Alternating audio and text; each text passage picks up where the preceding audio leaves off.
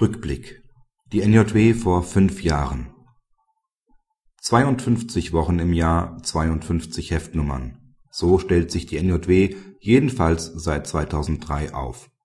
Was war vor 2003? In dieser Zeit gab es zwar nur 51 Hefte, auf Post musste der NJW-Abonnent aber nicht verzichten.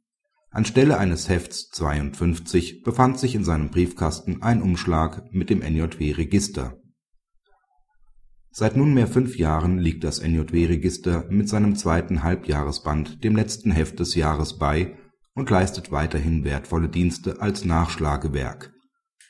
Gebunden in den Einschlagdeckel am Ende des jeweiligen Halbjahresbandes ermöglicht es dem Leser, einfach und schnell das gewünschte Dokument zu finden.